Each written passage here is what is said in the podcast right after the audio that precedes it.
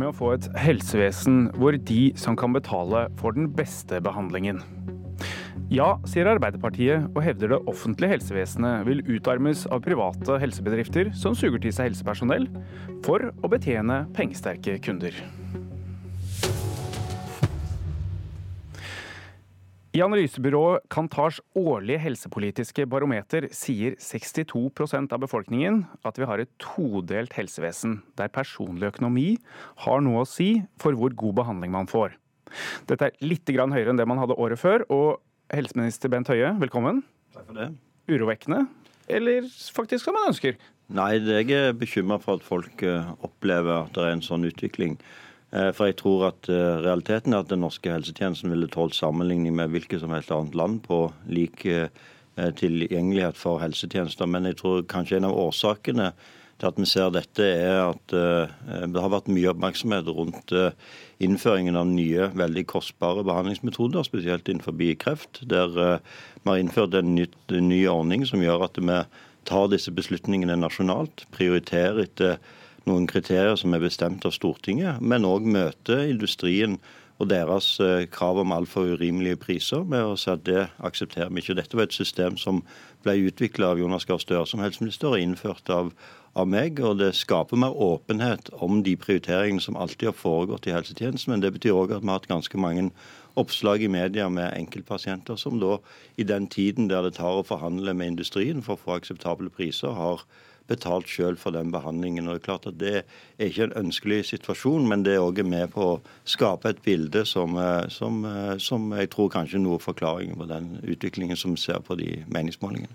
Ja, VG viste da senest i går hvordan du har hatt en del pasienter som har betalt selv, også for, for dyr kreftbehandling de ikke fikk i Norge, som har funka bra, og som det har vært ulik praksis på hvem som har fått dekket også i ettertid.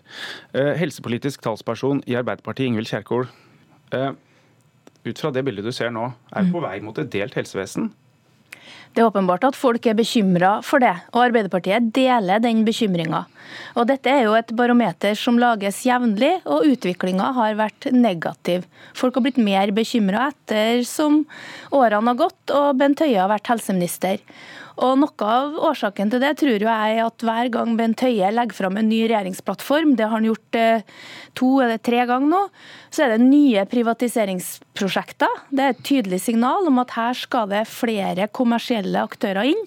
Samtidig så er de offentlige helsebudsjettene blitt strupa. Det er en kronisk underfinansiering av vår felles helsetjeneste. Og Oppskrifta på det er prøvd ut i andre land. Vi ser i Storbritannia, eh, The National Health Service. De har gjort samme greie. Eh, fått inn flere kommersielle aktører, holdt stramme budsjetter blant de offentlige. Og det fører til en flukt av fagfolk i Storbritannia, og vi må ikke komme dit i Norge.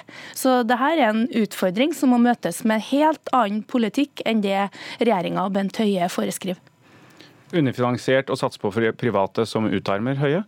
Her viser jo den samme undersøkelsen at Arbeiderpartiet går på tvers av det befolkningen mener. Undersøkelsen gir jo støtte til det som også er regjeringens politikk, nemlig at eh, de er enig i at det er lurt å bruke eh, private for å løse offentlige helseoppgaver. Og Det er jo der hovedskillet egentlig går mellom Høyre og Arbeiderpartiet i helsepolitikken, mens Arbeiderpartiet sier helt klart ja til at det skal være private helsetilbud, bare at vi ikke bruker de i den offentlige helsetjenesten. Så sier Høyre at eh, vi ønsker å kjøpe den kapasiteten som private har, og tilby den til alle. Så Forskjellen her er jo at med Arbeiderpartiets politikk så er det nettopp de med tjukk lommebok som får den valgfriheten. Men med Høyres politikk så er dette en valgfrihet for alle. og F.eks. ordningen fritt behandlingsvalg, som nå over 12 000 pasienter har benytta seg av, som har bidratt til at ventetidene går ned. Mange får valgt den behandlingen for rus og psykisk helse som de virkelig ønsker seg, som Arbeiderpartiet sier at de skal avskaffe hvis de kommer til makten. Den bidrar jo nettopp til at den muligheten til å velge private er noe som alle har muligheten til, uavhengig om de har god økonomi eller ei. Mens i Arbeiderpartiets system så vil dette bare være en ordning for de aller rikeste. Og det vil virkelig føre til et todelt helsetjeneste. Ja, her har jeg lyst til rett og slett å sitere Jens Stoltenberg. fordi Han sier at markedet er en dårlig herre, men en god tjener. Og det at man har hatt private og ideelle inn i den norske offentlige helsetjenesten, det har man hatt siden tidenes opprinnelse. Mange, flere av sykehusene, ikke mange, men noen av sykehusene som i dag er offentlige, ble starta som ideelle. Det er ikke det det handler om. Og det har vært fritt sykehusvalg siden 2001. Så det at man kan velge behandling der det er kortest kø, det er et gode. Det som eh, Bent Høie snakker varmt for, det er ordningen fritt behandlingsvalg, som egentlig burde ha heta fri etableringsrett for kommersielle. For der kan de private eh, etablere seg der de ønsker, ikke der det er behov, og ta de pasientene som er interessante og ofte lønnsomme.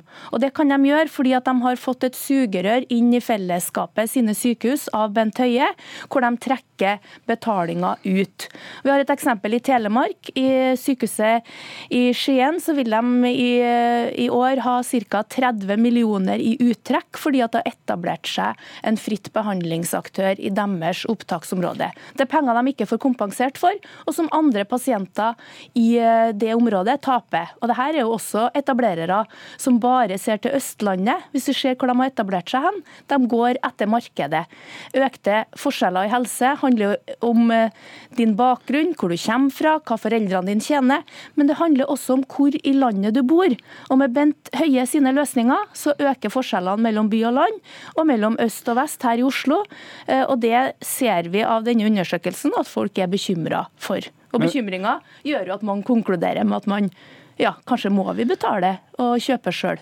Men dere vil legge ned fritt behandlingsvalg? Det vil vi. Ikke eh, fritt sykehusvalg, det var det vi som oppretta. Men hvor mye penger går egentlig til dette?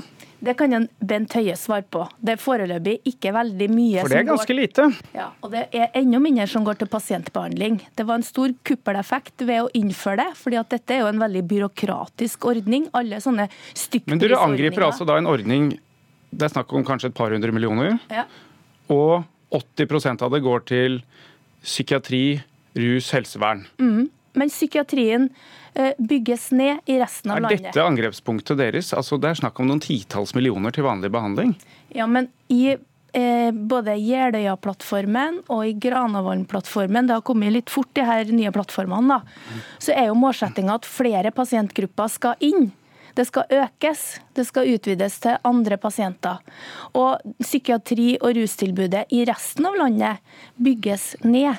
Avdelinga lukkes. På Nordmøre legges det ned en hel DPS. Eh, og man har ikke rom til å behandle pasientene innenfor den offentlige helsetjenesten. Da kan man oppleve at man mister nøkkelpersonell. Dette er medisin som er prøvd ut i andre land. På, på bakgrunn av ganske få millioner, men er det det som skjer? At du mister personell? Nei, det som jo er situasjonen, det er jo at eh, her ser vi igjen at Arbeiderpartiet setter systemet foran pasientene. Pasientene ønsker jo muligheten til å kunne velge behandlingstilbud som de har tro på.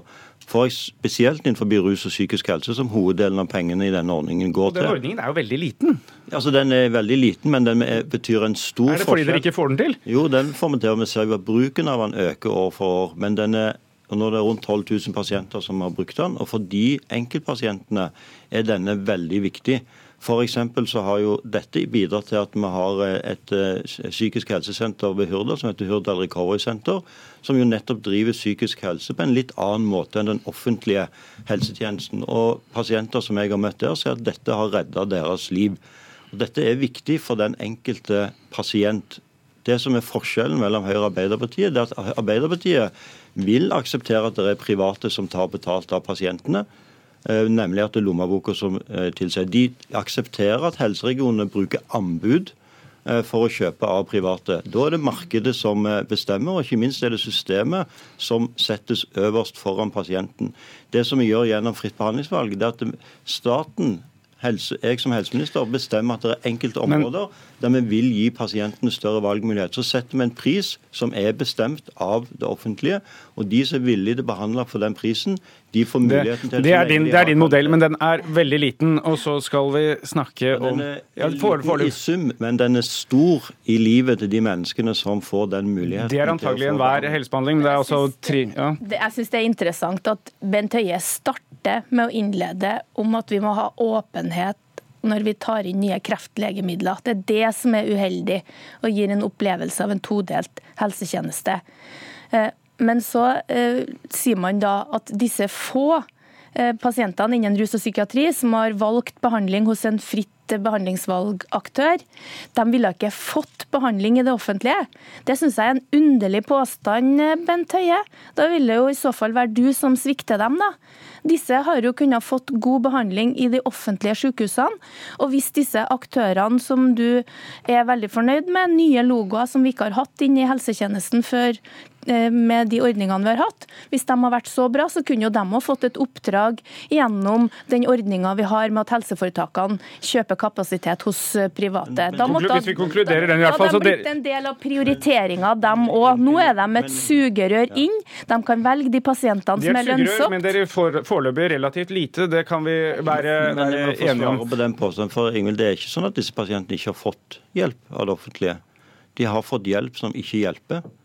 Eh, de har fått hjelp som de ikke selv har hatt eh, tro på. Så det som er forskjellen mellom meg og deg, det er at vi faktisk tror på at det at pasientene får den valgmuligheten, har en egenverdi for disse pasientene. Og Det er jo den historien òg pasientene forteller. At det at de har fått mulighet til å velge noe som er litt annerledes enn det som systemet ønsker at de skal velge, er nettopp det som har gjort en forandring i deres liv. Det var den, vi må videre til noe som er veldig stort, og som faktisk er ikke bare dreier seg om noen få millioner, men det er snakk om folkehelsa. Mhm. Og det står det i og utpust på i Granavolden-plattformen nå, hvor viktig den er. Og så ser vi at vi har en levealder for noen, de med høyt utdanning, høy utdanning, lever kjempelenge. De med lav, veldig mye kortere. Hvordan kan du sitte på toppen av et system som har en så stor ulikhet i Norge? og være eventuelt fornøyd med det, eller hva er du? Nei, Det er vi definitivt ikke fornøyd med. og Derfor så gjør vi jo noe med de faktorene som betyr mest for forskjell i levealder. Den ene faktoren i Norge som betyr mest for forskjell på levealder, er røyking.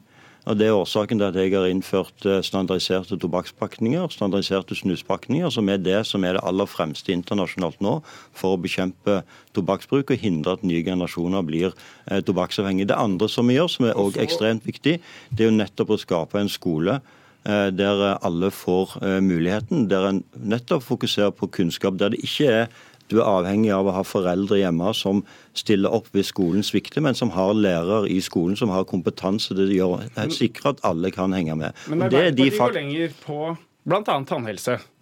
Det gjør vi.